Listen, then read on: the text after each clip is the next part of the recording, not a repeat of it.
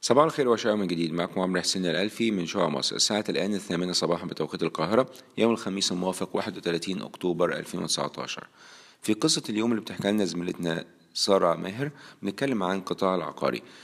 القطاع العقاري طبعا كان في نتائج الأعمال في النصف الأول طلعت ولكن إحنا بنتكلم هنا على المبيعات اللي شفناها في الربع الثالث 2019 اللي نتائجها هتبتدي تظهر الفترة القادمة إن شاء الله.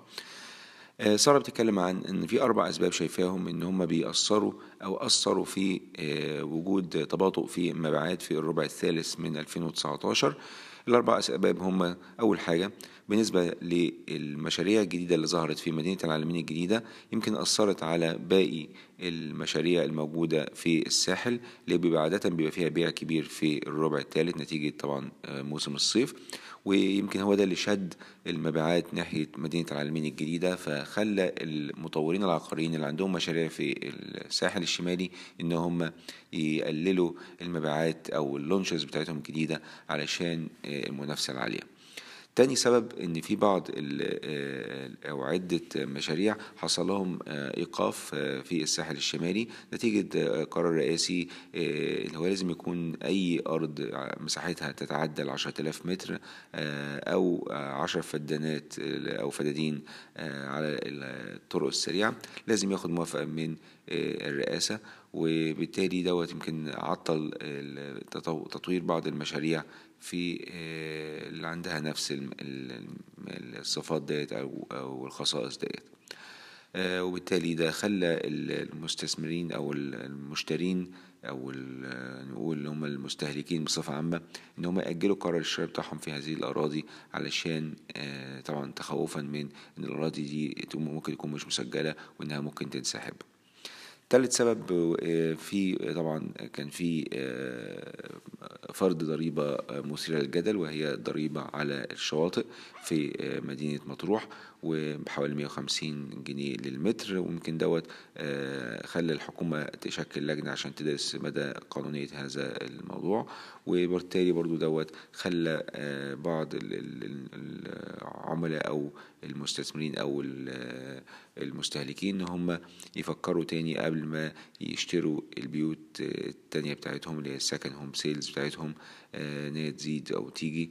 لأن طبعا خوفا من القرار دوت يكون هل هو قانوني مش قانوني هيزود التكلفة فما كانتش الدنيا واضحة.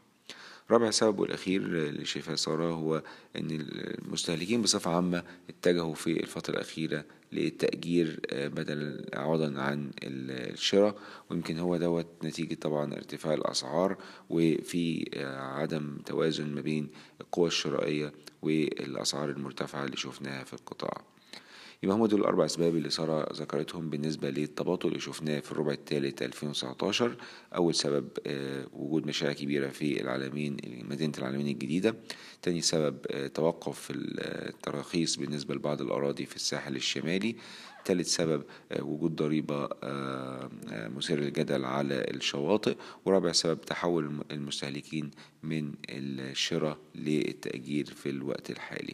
في بعض الشركات زي سودك بتحاول في الفترة الأخيرة إن هي ت launch projects جديدة يمكن سودك هي الوحيدة اللي عملت هذا وعملت launch المشروع الجديد هو The Estates ولكن ما زال لسه الباقي المطورين العقاريين هنشوف هل هيقدروا فعلا في الربع في النصف الثاني من العام إن هم يحققوا المبيعات المستهدفة بتاعتهم ل 2019 ولا لأ. في بعض الشركات زي بالم هيلز برضو عملت لونشز في الفترة الأخيرة عشان تسرع من بيع بعض المشاريع بتاعتها في النصف الثاني من العام علشان تحاول توصل للمستهدفات بتاعتها.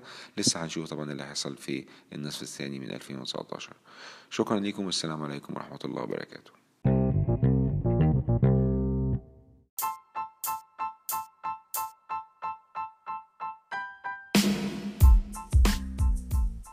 إن هذا الملخص الصوتي هو لأغراض المعرفة فقط ولا يمكن اعتباره عرض شراء أو بيع أو إدارة استثمارات أو خدمات استشارية. ينصح باستشارة مستشارك المالي قبل اتخاذ أي قرار استثماري.